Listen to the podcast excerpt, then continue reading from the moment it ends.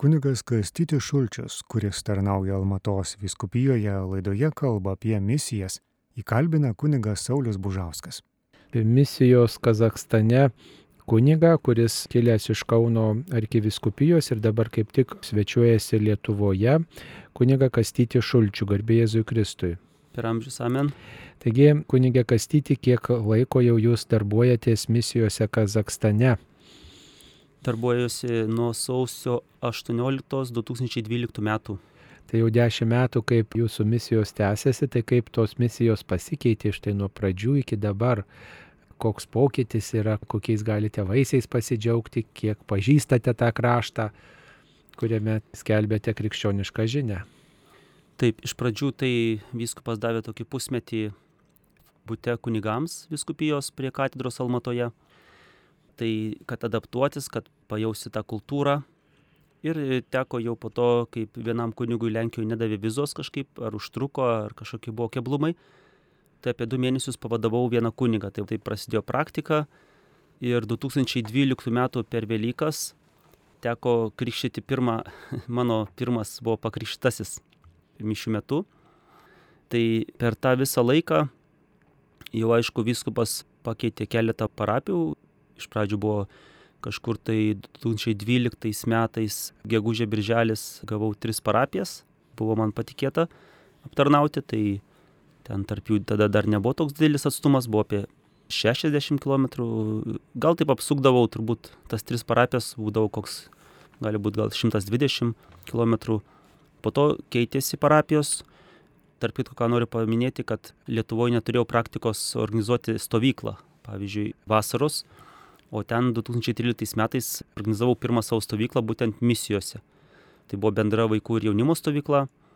Ir kiekvienais metais vyksta stovykla, tarkim dabar va aš grįšiu Liepos 8, tai paskutinę Liepos savaitę bus vaikų ir jaunimo stovykla. Anksčiau, kai turėjau gausesnės parapijas, tai būdavo viena atskirai stovykla vaikams, kita jaunimui. Ir jos tokios ten maždaug, kaip aš supratau, tose šalyse, netgi turbūt ir Ukrainoje, ir Rusijoje, ir Kazakstane, ir gal ir Baltarusijoje, kad yra tokia programa, kad jau iš seno pamačiau tą tradiciją, kad tos stovyklos vadinasi atostogos su Dievu. Reiškia, po to kiekvienas klebonas ar ten seserys ruošia tą programą. Tai dabar pastaruoju metu vyksta vaikam ir jaunimui bendros stovyklos, nes nėra didelės grupės, tai sujungiau, taip lengviau aišku yra. Ir rūpjūtį reikia paminėti, kad kom ypatingas rūpjūtis, irgi turbūt klausytojams įdomu, vasara artėja rūpjūtis, kad yra jau daugiau negu 20 metų organizuojamos, taip kaip Lietuvoje sakytų, jaunimo dienos Kazakstano, bet ten vadinasi Kazakstano jaunimo šventė ir paveiksliuke už Marijos nugaros yra tas kaimas Aziornaje, nuo žodžio ežeras ir papasakosiu vėliau truputį tą istoriją. O tenais yra šventovė, nuo Almatos tai bus gal kokie 1500 km, o nu, jeigu kas žino truputį Kazakstaną, tai Kokšetav, tai yra šiaurės srities Kazakstanas, Tainčia rajonas ir kažkur 100 km nuo Kokšetav reikia važiuoti ir lauko keliais apie 30 km kur nėra išklotas asfaltas, bet turbūt paminėsiu tą istoriją. Tai tenais vyksta jaunimo dienos ir jos vyksta 13-17 rūpjūčio. Pradininkai yra palaimų bendruomenė, vienuoliai, Šveicarijos kalnų vienuolino. Taip pat Kokšetavė netoli nuo tos vietos apie 100 km yra įsikūrusios seserys palaiminų bendruomenė. Tai jos ir kartu su klebonu, tokia kaip organizacinė komanda, jos visą laiką talkina, kadangi jie yra pradininkai jeigu aš gerai supratau, tai ko gero buvo organizuojamos tos jaunimo dienos, tuo metu vadinosi Astanos arkiviskupija Šventos Marijos, dabar Nursultano. Tame lygmenį buvo organizuojamas jaunimas ir kažkaip įsirituliojo, išaugo į viso Kazastano jaunimo sutikimą. Tai kiek žinau, anksčiau tai būdavo ir kokie 500 jaunimo, ir 400, ir 300, bet kiek teko pastaraisiais metais dalyvauti, tai apie 200 jaunimo. Ir mūsų kunigų vienuolių, savanorių ar tai seminaristų apie 30. Tai vos ne 250 ir tos sąlygos yra gerinamos. Taip pat yra tenais jau iš vaikų darželio, kuris priklausė parapijai, jau prieš metus mačiau, kai dalyvau rūpyti, ruošiami piligrimų namai. Ar tai svečių namai, nes į tą šventovę atvažiuoja iš viso pasaulio. Ir dar ta šventovė, kom yra ypatinga, Aišku, aš tos istorijos taip kruopšiai nežinau, bet kad yra toks projektas pasaulyje, aš tos organizacijos nežinau, kaip jinai vadinasi, bet idėja yra tokia, kad yra tokie adoracijai skirti altoriai, 12 altorių kaip 12 Marijos žvaigždžių. Tai antras altorius, tai buvo būtent pagamintas Lenkijoje. Tai ir labai didžiulis altorius, toks atsidaro kaip knyga, iš metalo, iš labai įvairių brangakmenių, kiek aš suprantu. Ir centre yra Marija su tinklu gaudyti žuvims, kadangi ten azornaja. Ir per vidurį širdyje Marijos yra Jėzus, reiškia įdėta Euharistija didžiulė tokia. Tai idėja buvo, kad tai yra irgi nuolatinės adoracijos. Aišku, aš nežinau, kaip ten jie tvarkosi, truputį mažėjant žmonių, nes reikia paminėti, kad iš Kazakstano mūsų netgi katalikai, kur buvo didžioji dalis mūsų parapiečių Lenkų kilmės, tai yra iš Ukrainos tremti 1936 metais, tai yra jau jų tų tremtinių vaikai anūkai, bet jie kaip savo istorinę tėvynę arba tautybę vadina save Lenkais. Ir tenais buvo iš šimto procentų tas kaimas iš Lenkų sudarytas. O šitas paveiksliukas Marija tai yra mūsų Almatos švenčiausios trybės vyskupo Jose Luis Mumbielas yra idėja. Jis toks labai yra dvasingas, gilus dvasiškai žmogus mūsų vyskupas ir jam patiko turbūt yra tos autorės Marina Mun, korejietė, jinai vietinė korejietė iš Kargandos, dabar liktai studijuoja, ar, ar ką tai daro, gyvena Almatoje. Ir jisai kažkurio metu tai pasakė tą idėją. Šitą Mariją su žuvimis, tai reikia žinoti istoriją vėlgi to šventovės, kad 1936 metais, kada trėmė Lenkus, tremtinius iš Ukrainos, jie sudarė tą kaimą 100 procentų katalikai, bet toje vietoje reikia irgi žinoti, kad tai buvo laukymė, kad tai buvo stepės, kad tai buvo labai atšiaurios žiemos, pūgos, labai žema temperatūra žiemą. Aš kiek žinau, Šiaurės Kazakstane būna ir 50, ir minus 55 būna. Ir į tokias sąlygas, į tokią laukymę atvežė apie greičiausiai birželio mėnesį. Pirmas buvo tas vežimas 36 metų birželio mėnesį. Tai kas iš pradžių palapinės statėsi, kas žieminės įsikasė, kas išgyveno tame kelyje jau ten liktais, kiek esu girdėjęs, jeigu gerai supratau, apie 3 mėnesius liktai vežė. Tai kas išgyveno tuose vagonuose, po to kas išgyveno svarbiausia pirmą žiemą. Nu, ir po to, aišku, kažkaip pradėjo statytis namus ar kažkur tai dirbti. Ir tokia unikali vieta, kad 100 procentų iš katalikų susikūrė kaimas. Ir aplinkui gana tenais irgi kaimai, kur yra ir parapijos, ar ten koplyčios, tai pavadinimai labai atsivežti irgi, kaip aš supratau, iš Ukrainos, nes labai kartojasi tie pavadinimai, kaip yra Ukrainoje. Tokie kaip e, Jasnąją Paleną, Krasnąją Paleną, Zilionai Gai, Aziornąją, tai sutikti galima ir Ukrainoje tokius pavadinimus. Ir jie, aišku, meldėsi ypatingai rožinį, tas maldaknygės lenkų kalba atsivežė, ėmė kas brangiausia, ikonas ėmė iš Ukrainos. Ir po penkių metų, 1941 metais, kovo mėnesį, kai mes katalikai sakom, įvyko stebuklas. Ir mes sakom per šitą Mariją, per Mariją taikos karalienę, ar tai per tą Mariją, kuri dabar jau yra kažkaip vyskupo įamžinta, jo idėja įamžino autorė Marina Muntame paveikslėlėje, kurį vyskupas, kada buvo atlimina pas popiežių, Kazastano viskupai ir atrodo Vidurio Azijos viskupai, tada mūsų viskupas buvo Kazastano viskupų konferencijos pirmininkas tai jisai įteikė popiežiui būtent šitą paveikslą, aišku, didesnio formato, ir įteikė pirmąją kazahų kalbą maldaknygę. Toksai yra kaip prototipinis variantas, aišku, turbūt ten tobulins toliau, nes yra komisija, kurie verčia liturginius tekstus į kazahų kalbą.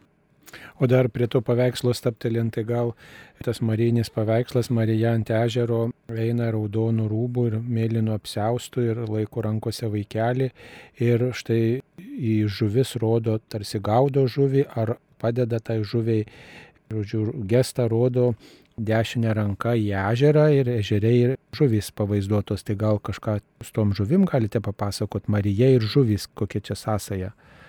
Taip, čia paveikslėlė parodyta, kad Jėzus duoda Marijai žuvį ir jinai ją meta į ežerą. Tai vėlgi sakau, čia turbūt yra gilus apmąstymai mūsų vyskupo, kuris yra Kazakstane nuo 98 metų, atvykęs iš Ispanijos. Tai iš tikrųjų, kada 41 metais, kovo mėnesį atsivėrė ežeras ir yra tas stebuklas, kad jame buvo pilna žuvų. Aišku, šiandien turbūt nieks jau nepaaiškins, kaip taip galėjo įvykti, nes į tą ežerą niekas neįteka ir neišteka Tas ežeras dar turi savybę, kad kai mes atvažiuodam jaunimo šventės, tas Kazakstano jaunimo dienas, tai kartais tas ežeras nusenka, nėra nieko. Bet kai būna tas ežeras, tai jame galima maudytis. Aš klausiau prieš metus, tai jisai gana didelis, bet lyg tai dėl maudimosi nežinau, bet kažkas tai ten yra, reikėtų pasitikslinti. Dabar netoli kranto yra karmeličių vienuolynas. Jos iš pradžių irgi, kaip ir mes pradedam Kazakstane, turėjo nuo savo namą nusipirkę iš parapiečių ir su sklypu, o po to, nežinau, aštuoniem ar kiek tai metų praėjus, pasistatė vienuolyną. Tai tenas dar yra statulėlė palaiminta popiežiaus ant didelio stiebo medinio, kur irgi yra Marija su žuvimis. Tai daug anksčiau pastatyta ir atvežta, ar tai kur popiežius lankėsi, ar tai iš Romos, kai jisai palaimino tą statulėlę Mariją su žumis. Tai iš tikrųjų stebuklas tame, kad atsiveria ežeras ir jame pilna žuvies. Tai netgi kas, jeigu domisi, tai galėtų pasižiūrėti, aš nežinau, kaip yra prieinamas tas filmas Ozera, ežeras lietuviškai. Ir ten yra keliom kalbom subtitrai. Gal yra angliškai, man atrodo, yra lenkiškai, vokiškai. Tai tenais yra dokumentiniai kadrai, kai su tais kolūkiniais lėktuvėliais, taip vadinamais kukurūznikais, žuvį iš Aziornaje transportuoja, veža į frontą, kadangi vyko antras pasaulinis karas. Ir reikia suprasti, kad tie žmonės tikrai badavo, kad tikrai buvo labai sudėtinga su produktais karo metu, plus tokia, dabar net nuvažiuoti reikia per lauko keliais važiuoti tiek daug, tai kaip jie tenais išgyveno, tai sako, ta žuvis jiems išgelbėjo gyvybę. Ir po to, kai aš tarnavau metus Astanos, dabar jau Nursultano Šventos Marijos arkiviskupijoje, Pavlodarė ir kaip viskupas lankėsi po kalėdų, po parapijas važinėjau su kancleriu, laužė kalėdaičius su klebonu, su vienuolį, kas ten tarnauja parapijose. Tai sako per pamokslą, čia 2017-2018, sako, pasikartojo 1941 metų stebuklas. Vėl ežerė pilna žuvies, aš nežinau kaip nelietuviškai vadinasi, ratan, panašiai ešerį, tokia plėšri žuvis, tai kitos negali būti. Tai ten žiemą klebonas išeidavo, paskaičiavo, stovi šimtas mašinų, automobilių. Ir tai tikrai, kaip minimum, kiekvienas žvėjys po pusę bulvių maišo tos žuvies. Ir kaip klebonas suprato, jis sako, aš nesu žvėjys, bet jinai ant visko kimba ta žuvis, ant skuduriukų, ant ko tik nori. Tai toks stebuklas. Tai va tas ežeras labai įdomus, kad jis kartais nusenka, ir vėl iškyla. Tai tokia įdomi vieta, bet aišku, jau dabar jau, kaip suprantu, kad pasaulyje daug kas žino šitą vietą Ziornoje ir atvažiuoja iš įvairių šalių piligrimai. Ir ten, žodžiu, prie to ežero į tą bažnyčią, kurioje tas paveikslas yra pavaizduotas. Taip, paveikslė yra pavaizduota ta šventovė. Ja 2001 metais, kada popiežius Jonas Paulius II lankėsi Kazakstano sostinėje Astanoje, jisai jau tada pavadino Aziornąją kaip nacionalinė šventovė, kad tautos šventovė katalikams, Kazakstano katalikams. Aišku, mes žinome, kad jisai tikrai norėjo nuvykti į tą šventovę, gal ir į Karaganą, bet dėl įvairių priežasčių ar dėl sveikatos aš tiksliai to negalėčiau dabar atsakyti. O 2011 metais tai viskupai patvirtino tą titulą Kazakstano viskupų konferencija, kad tai yra nacionalinė šventovė, tautinė šventovė Kazakstano katalikams Aziornai, Marijos taikos karalienės šventovė, Liepos 7 aš pažiūrėjau Lietuvoje rubriceliai, kad net liktais, ar tai Magnifikat pasižiūrėjau, gal rubriceliai kažkas yra, kur kunigams, kad kur ruošiasi mišiom, kad net nieks nepaminėta, o pas mus tai yra iškilmė Kazakstane ir ypatingai toje vietoje šventovėje vyksta Marijos taikos karalienės atlaidai.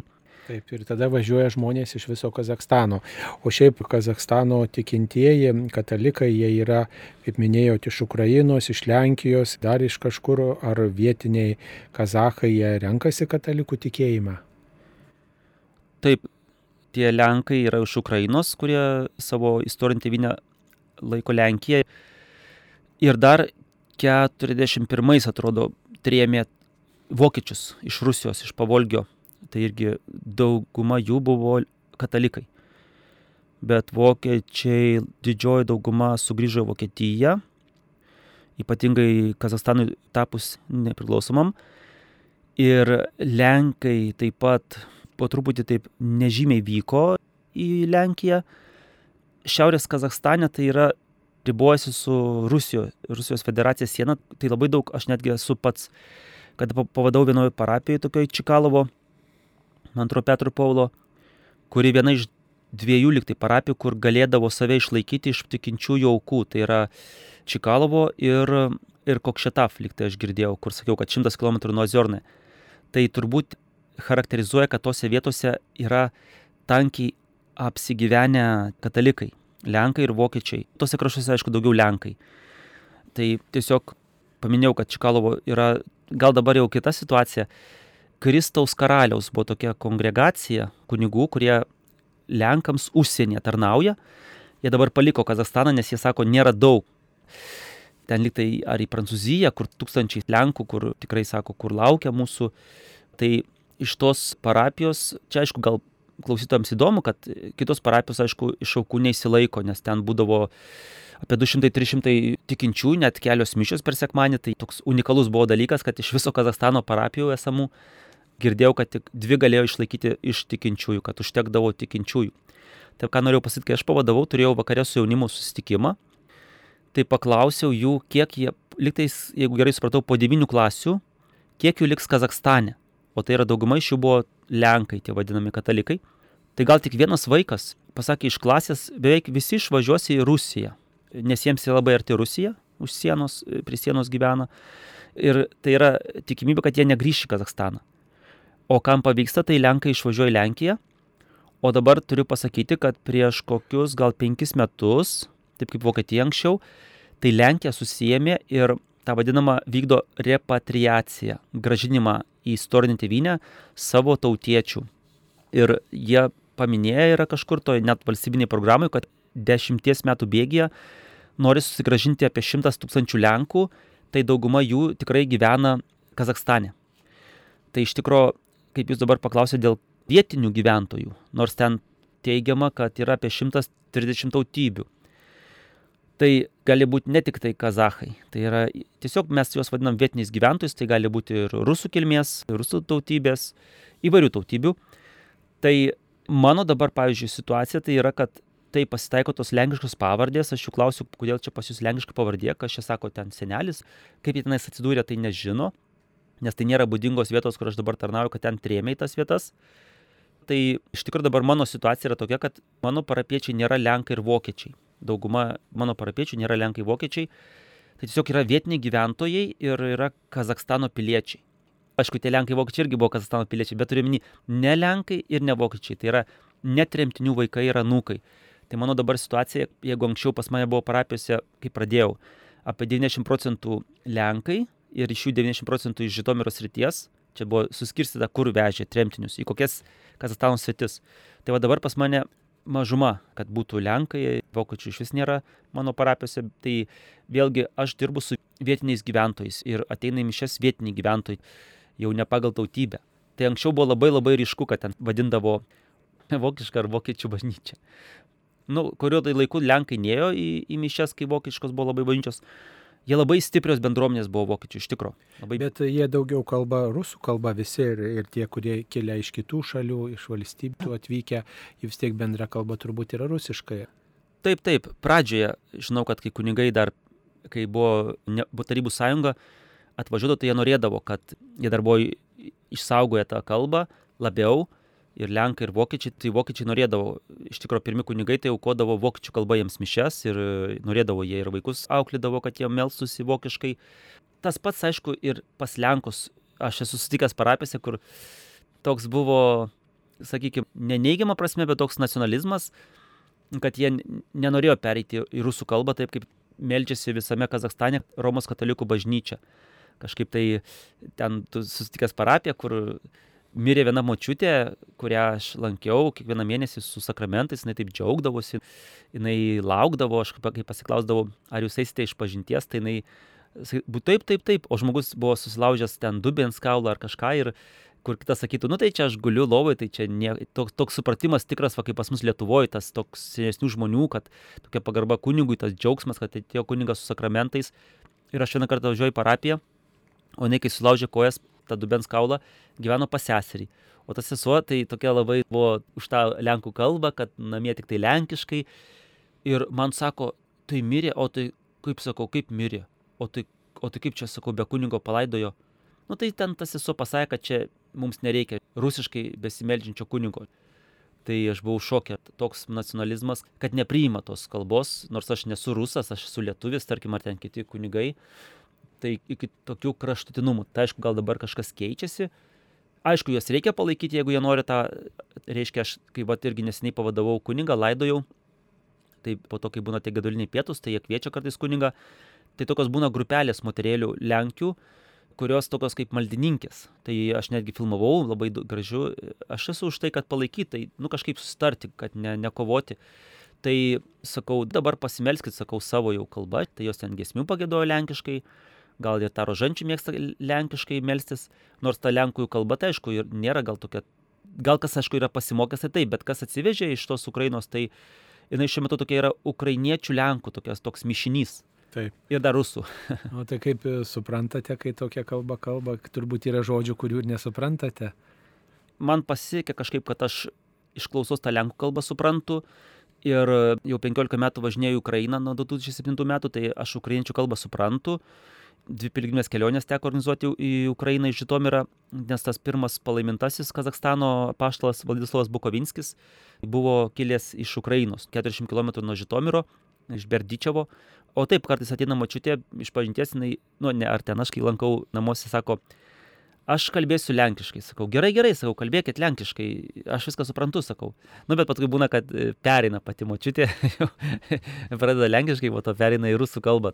Tai ačiū Dievui, man tos problemos nėra, kad ar lenkų išklausyti, ar ukrainiečių kalba Suprantu. ir rusų.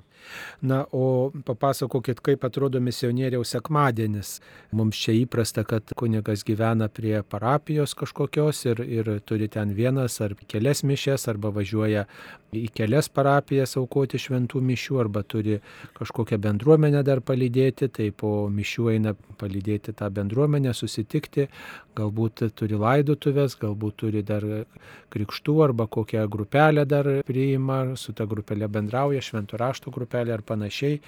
Na ir dažniausiai būna vienoj parapijoje. O kaip atrodo misionieriaus diena Kazakstane, kur yra dideli atstumai, didelės teritorijos ir reikia vykti į kitus kraštus, kaip, kaip jūs švenčiat sekmadienį? Aš esu tas kuningas, kur nesu tas, kuris daugiausiai turiu parapijų. Liktais vienas pas mus viskupijų kuningas turi šešias ar tai septynias, bet aišku, jis turi vikarą iš Pietų Korejos, korietį kunigą, kuris atvažiavo ne koriečiams tarnauti, bet tiesiog visom tautom, kaip tai vadinamas atgentės misijos visoms tautoms. Tai jis turi pagalbininką, dar kai kurie kunigai kartais patalkina iš kitų parapijų vikarai. Tai aš nesu tas, kur turi šešias, septynias, bet turėjau keturias ir po to mane atlaisvino nuo vienos dabar turiu trejas. Tai mūsų daugiau viskas orientuojasi į savaitgalį, nes dėl didelių atstumų tai yra neįmanoma padaryti per vieną dieną sekmadienį. O misijose taip pat kartais tenka ir kai aš klebonų tapau prieš dešimt metų ir dabar, tarkim, man paskiria viskupas, pasakysiu pradžią, ne, 2018 metai. Paskiria man keturias parapijas. Ten jos tokios nualintos, kunigo pastaus neturėjo, kunigas, kai galėdavo, tai važiuodavo, negalėdavo, nevažiuodavo. Tai ką aš padariau, pavyzdžiui, pirmoji eilė, kad tokia būtų tradicija, kai jau keturios parapijos, kai didelės stumai, kad bent jau vienoj, vieną kartą per mėnesį, kad būtų konkretus sekmadienis. Pirmą mėnesio sekmadienį vienoje parapijoje ir jau jie žino antrą mėnesio sekmadienį kitoje, trečią trečioje ir ketvirtą mėnesio sekmadienį ketvirtoje. Aišku, jeigu ten sustarėm, tai iš ten važiuoju šeštadienį, dar koks antras ar trečias kartas, o po to, jau kai mane atlaisvino nuo ketvirtos parapijos, tai Dabar beveik kiekvieną sekmadienį visose yra parapijose, kai kurios tai jau tikrai kiekvieną savaitgalį. Kadangi yra trys, tada aš išdalinu į šeštadienį ir sekmadienį. Ir pas mus ta WhatsApp programėlė labai visi naudojasi Kazakstane. Aš irgi man jinai buvo nauja, kai atvažiavau, bet žiūriu, kokia jinai yra populiari. Ir ten tiesiog sudaroma grupė, pavyzdžiui, kas turi mobilius, kas turi internetą, tai tiesiog yra, pavyzdžiui, kaip jūs pas jūs pasakytų, ai, nu tai čia daug parapijų Kaune ar kažkur ten, jeigu kur viena parapija būtų, tai sakytų kokie upninkų katalikai, ne, nes ten viena parapija. Tai ir tenais įtrauki tuos parapiečius, kurie turi mobilų telefoną ir jie visi gauna informaciją. Aišku, aš kartais, kai nėra tai daug, tai kiekvienam siunčiu asmeniškai ir tiesiog tai siunčiu penkių dienų bėgyje. Tai kartais reikia palaukti kažkokių tai žinių, kas kur kada, tada jau rašai tiesiog prieš kiekvieną savaitgalį kelintą valandą bus mišios. Tai tarkim, aš šeštadienį darau 12 ir vakare 7. Tarp tų dviejų parapijų yra nemažas atstumas. Tai ten būte, kur gyvenu, kol kas vis dar laikinai gyvenu biskupijos būte kunigams, išvykstu į priešingą pusę negu dvi kitos parapijos nuo Almatos, į Kirgizijos, į Biškeko pusę ir arba į mūsų vienos iš parapijų Tarazo pusės. Pavyzdžiui, nuo Almatos iki Tarazo yra 500 km. Tai va maždaug, suprantat, kokie atstumai nuo parapijos iki parapijos. Aišku, mano parapija kažkur yra 20 km, bet kadangi yra dideli kamščiai išvažiuojant iš miesto, ten toksai yra turgus, aukso orda, tai aš važiuoju aplinkiniu keliu per kaimelius. Apsuku tokį ratą, nes ten žinau, kad ten stovėsiu kamščiuose ilgai, tai neapsimoka. Nu tai kartais važiuoju iki valandos tą 20 km, nes yra miestas megapolis, pats didžiausias Kazastane miestas, apie 2 milijonai, sako oficialiai, bet greičiausiai ten yra daug daugiau, 2,5 milijonų, nes daug žmonių neturi registracijos, neturi dokumentų. Tenais yra būte, trijų kambarių būte, ir šiuo metu apgyvendinta yra viena šeima, Liepos mėnesį bus du metai, tai jie prižiūri tą būtą. Reiškia, kad būtų tvarka, kad būtų išplauta, paruošia valgyti, kad po mišių bus pietus, jeigu tai 12 val. Ir po to pabendraujam, pasimeldžiam, pabendraujam ir aš važiuoju į kitą parapiją irgi vėl apsuku ratą aplink Almatą, nes neapsimoka įlysti į tą miestą, tai yra kamščiai, tai stipriai užtruksi man, kad išvažiuoti iš miesto, tik tai iš miesto išvažiuoti reikia, žinot, kad kaip minimum pusę valandos reikės man. O kartais ir daugiau. Gali tai būti ir valandos, kad tik tai išvažiuoti į tą vadinamą trasą, į plentą, iš miesto ištrūkti. Ir po to vykstu apie 200 km iki Sariozeko, ten yra Kaskelen. Kaskelen parapija tai yra įkurta, ar ten kaip pavadintų, pirtas būtas trijų kambarių koriečio kunigo, Jie kažkada norėjo netgi užregistruoti parapiją Šventos kūdikėlio Jėzaus Teresės vardu. Tada aš vykstu į Sariziko parapiją, kur rūpiučio 22 biskupas, kadangi pirkom namą 21 išvakarėse to tokio minėjimo, švenčiausia mergelė Marija karalienė. Tai jeigu žarkentė po to papasakosiu, kad yra Marija kankinių karalienė, tai tenais bus švenčiausia mergelė Marija karalienė. Va 22 gegužės atlaidai. Tai tada važiuoju tenais, ten paprastai apie 7 val. mišios, Bet e, vėlgi noriu pasakyti, kad po to, aišku, vakarienė jau paruošta, jau iš anksto ta šeima, kuri prižiūri tą namą. Ir e, tik tai noriu pasakyti, kad kaip misionierius, tai aš tiesiog nematau problemos, ten nėra didelis tas kaimelis, miestelis, ten 12 tūkstančių gyventojų. Tai aš tiesiog, kam reikia, tai atsivežu, atvežu juos į mišes ir po to nuvežu namo. Yra kažkas pagyvenęs, yra kažkas taip, kažkas pas mus labai viskas taip draugiškai vyksta. O tai kiek maždaug dalyvauja žmonių mišiuose taip pat tuose parapijose, kai atvažiuojat ar į būtą, ar į, ar į kažkokį namelį, kur ta parapija glaudžiasi? Tiesiog labai sunku atsakyti, nes kiekviena parapija turi labai istoriją savo didelę, bet vat antra parapija Sariozekas, tai paminėsiu, kad jeigu tai yra mano sėkmingiausia parapija per keturis metus, nuo dviejų man žinomų katalikų jau dabar yra oficialiai per keturis metus šešiolika jau pakrikštyti, ar tai perėjo į katalikų bažnyčią iš kitos bažnyčios, ar tai su sąlyga krikštas, tai jau dabar turim oficialiai 16 katalikų toje bendruomenėje, bet lanko mišes kartais visai kiti žmonės, tarkim, dalis iš jų, iš tų 16 katalikų oficialių, bet lanko ir katalikai, ir stačiatikiai, ir protestantai, ir krikštyti, ir nekrikštyti, tiesiog mhm. tenais nėra stačiatikių bažnyčios, vat, kur yra esmė. Nes kas kelenė ir žarkentė yra stačiatikų bažnyčia, tada mums netaip sekasi gerai, nes ten jau jos įsitvirtinusios, aišku, daug rusakalbių, beveik visi rusakalbiai, rusų tautybės yra stačiatikiai, dauguma, tai čia labai normalu, tradiciška. O va, kai nėra Sariozekė, tai jie daugelis perėjo, net tie stačiatikiai vadinami, perėjo į katalikų bažnyčią ir net jau ruošiasi santoką primti, vadinais apie 10-15 tikinčiųjų, tai čia jau yra pati sėkmingiausia parapija, kad ten dvi mečetės yra Sariozekė. Anksčiau tai būdavo, kadangi dabar nupirkom Žarkentę namą, tai po to dar reikia važiuoti dar 200 km. Nuo Sariozeko, jeigu tiesiog važiuoti į Žarkentą, tai Žarkento dažniausiai sekmadienį mišios 12 ar tai 1 val. Aš anksčiau važiuodavau iš vakaro, kad nakvoti viešbutį, o dabar nupirkom namą Žarkentę, jau ačiū Dievui, po dviejų metų didelės, apsitai 11 metų mes buvom be patalpų, kur galėtume melsti, dėl to meldėmės parapiečių namuose. Ir... Kur melžiatės? Taip, tiesiog mišios aukojamos. Tuose nupirktuose namuose.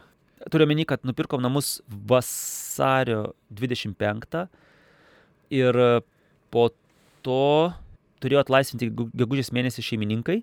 Ir jau kai atlaisvino, tai da, viskupas paukojo man prieš grįžtant į Lietuvą į šitą vizitą, paukojo pirmas mišes. Gegužės 22 dar vienas vaikinukas priėmė krikštą. Ir iš karto prasidėjo kapitalinis remontas, nes mes pirkom iš tų žmonių ir ten reikia ir, ir grindis reikėjo išlyginti, išlėti cementą ir, ir sienas gipso kartonų.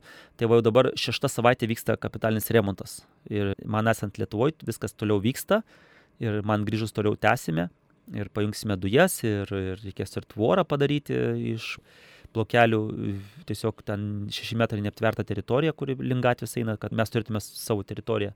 O klausykit, kokią matot prasme, taip ten e, Kazakstane kunigai atvykę iš kitų šalių, ten tikintieji iš įvairiausių šalių, tik tai dalis Kazachijos gyventojų, Kazakstano gyventojų, Kazachų.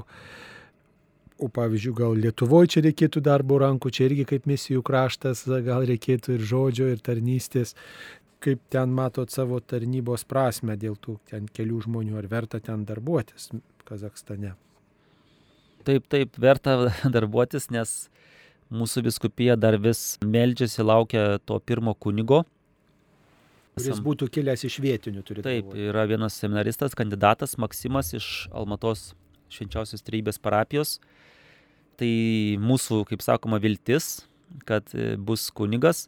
Aišku, yra istoriškai, žinau, viena kuniga yra kilęs iš mūsų viskupijos pranciškonas konventualas, bet darbuojasi Rusijoje. Jo jau šeima, tėvai ir sesuo, kadangi Lenkų kilmės, išvyko į Lenkiją jau gyventi. Netgi vakar rašant pas sesę Danutę Šiauliuose jos atsiminimus, Danutė Jonė Kazlauskaitė, jinai 20 metų buvo Almatoje, misijose tos seserys Jėzaus širdies tarnaitės. Tai daug man jinai paruošė medžiagos rašyti istoriją apie misijas Kazakstane, taip pat šiek tiek užrašiau, įsikėliau tą medžiagą, tai pavyzdžiui, dvi vienuolės karmelitės Vokietijoje, dviejose skirtingose karmeličių vienuolynuose, tai yra grinai iš Almatos, realiai galim pasakyti, ten viena iš tokio šalia esančio netoli kaimo Panfilov, anksčiau buvo tabak Savkos karmelitė, įsivaizduojate, iš mūsų viskupijos, o kita grinai iš tos gatvės, kur katedra. Anksčiau buvo Sofija Kovalevska, dabar Tlendyjeva 9, katedra mūsų švenčiaus treibės. Tai va iš tos gatvės netgi yra jos nuotraukos tų dviejų karmeličių. Tai esmė tokia, kad mes kalbam apie tai, kas tarnaus mūsų viskupijai. Būtent iš ten kilęs ir gaus ten parapiją ar kažką, ar bus vikaru ar klebonu. Tai mes neturim, tuo tarpu, kai kitos viskupijos jau visos trys, dvi viskupijos ir apašinė administratūra Tirau turi, netgi du kunigus, netgi apašinė administratūra Tirau. Dar nėra tapusi viskupija, o jau turi du kunigus vietinius.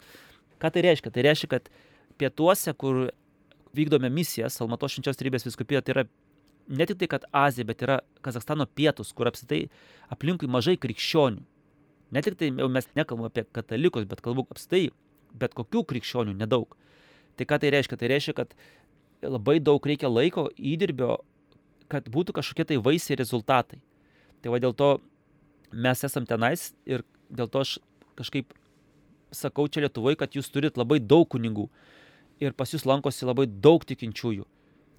Visą laiką sakau, gal tik tai trūksta meilės vieni kitiems, kad parapiečiai mylėtų savo kleboną, melsis už jį ir kad klebonas labai mylėtų savo parapiečius ir guldytų galvą už avis. O ten Kazakstane ar myli parapiečiai kuniga, ar laukia jo atvažiuojant, ar sutinka? Ten, aišku, labai stipriai pamilsta. Aišku, kita problema, kad tu kaip asmuo labai sunku jam perduoti, kad iš tikrųjų tai Kristaus auka, kad Kristus tą viską aukoja, bet jų tas tikėjimas, žinot, neturi pamato. Jie nėra kaip mes Lietuvoje jau, kad mūsų seneliai, tėvai buvo katalikai, jie naujai viską yra atradę, tai viskas yra nuo nulio, tai jie taip prisiriša stipriai, stipriai. Bet jeigu kada ir kažkas nepatiks, tai vėlgi didelė žala, kad jie į tą kunigą kažkaip labai sudeda viltis. Per daug truputį. Jeigu kokią klaidą padarote, tai tada nu, ne taip kažką pasakai ir dar kažką tai. Netgi gerus dalykus, pavyzdžiui, kaip pavyzdį, esu su viskupu aptaręs ten vienai moteriai, kaip padėti. Jos vyras gal nenori santukos sakramentą priimti ir aš jai taip su meilė jau su viskupu atsiklausęs, ką čia daryti. Jai paminėjau, priminiau, kad yra vienpusė santuoka, po to jinai dingo. Ir po ilgo laiko, taip per tą WhatsApp programėlę, ten yra balso žinutės, tai jai pasirodė, kad aš kaip vos ne jai, nu kaip čia, primetu kažką, ar tai, kad jinai gyvena be santukos kažką. Nu, va, žmogus įsižeidė visiškai, kai aš padariau visą, ką reikia kaip kunigui. Pirmiausia, pasitarė su vyskupu, jam pateikė tą situaciją, ką galėtume padaryti, nes jinai prašė, sako, o aš kaip pavargau, jau norėčiau turėti išpažinti, turėti komuniją. jinai viena katalikė, jos vyras stačiatikis, vaikučiai stačiatikiai, tai kartais pas mus labai yra ta didžiulė problema. Pas mus dauguma yra, mūsų parapiečiai yra mišrios šeimos. Tai reikia suprasti, ką mes tarnaujam. Jeigu Lietuvoje plus minus šeimos katalikiškos, o pas mus gali būti vienas iš stoktinių nekatalikas ir netgi vaikai gali būti pusė per pusę. Pusė katalikai, pusė nekatalikai. Nes jiems kartais paprasčiau būdavo, pavyzdžiui, nueiti pas stačiatikius, tą vadinamą auką paukoti, kur ten parašyta, nu, man pasako, kad parašyta suma kiek už krikštą reikia, kiek už santuoką, taip toliau. Tai jiems, kai ten gal koks katalikų kuningas nori supurti bendruomenę, nori katechizaciją pravesti ar kažką, tai jie tada apsisuka ir naina be problemų pasačiatikus pakrikštė.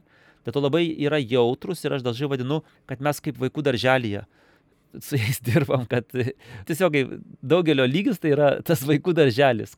O pagrindinis atsakymas tai šitą klausimą visiems, kas jeigu abejotų misijų svarba, Tai pats Jėzus pasakė, apart to, kad pasakė, eikite visą pasaulį ir skelbkite Evangeliją visiems, visus mokydami to, ką jūs mokiau ir krikštami visus vardant Dievo Tėvų ir Sūnaus Šventos Dvasios, tai dar tas pagrindinis atsakymas tai būtų tas, kad kai Jėzus sako, kad dėl vienos atsivertusios avies bus daugiau džiaugsmo danguje, negu dėl šimto teisiųjų, kurioms nereikia atsiversti. Tai tie vienetai yra mūsų džiaugsmas. Ir va čia Žagariai Petro Paulo buvo atlaidai ir ten mes dar mūsų grupė Juoda Balta koncertavome.